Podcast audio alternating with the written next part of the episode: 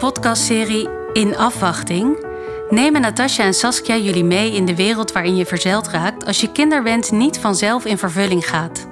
Haha, heb jij bij je arbeidsovereenkomst ook condooms gekregen? Want we zitten er natuurlijk niet op te wachten dat je binnen een jaar zwanger bent. Laat jij ook eens wat van je emoties zien. Weet je, wat gaat er nou allemaal rond in jou? Maar je zou ook nog dit kunnen doen, of je zou ook nog uh, pleegkind kunnen nemen. En ik zeg, ja, maar dat, dat wil ik niet.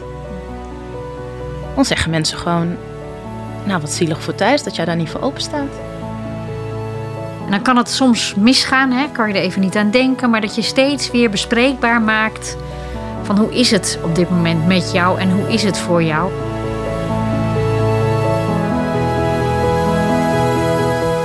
Ik heb de Belmeramp overleefd. En ik zat vandaag ook weer daarover na te denken van... Ik heb ook bijna een soort plicht om een mooi leven te leven. En als ik alleen maar bezig ben met wat ik niet heb, dan doe ik dat niet.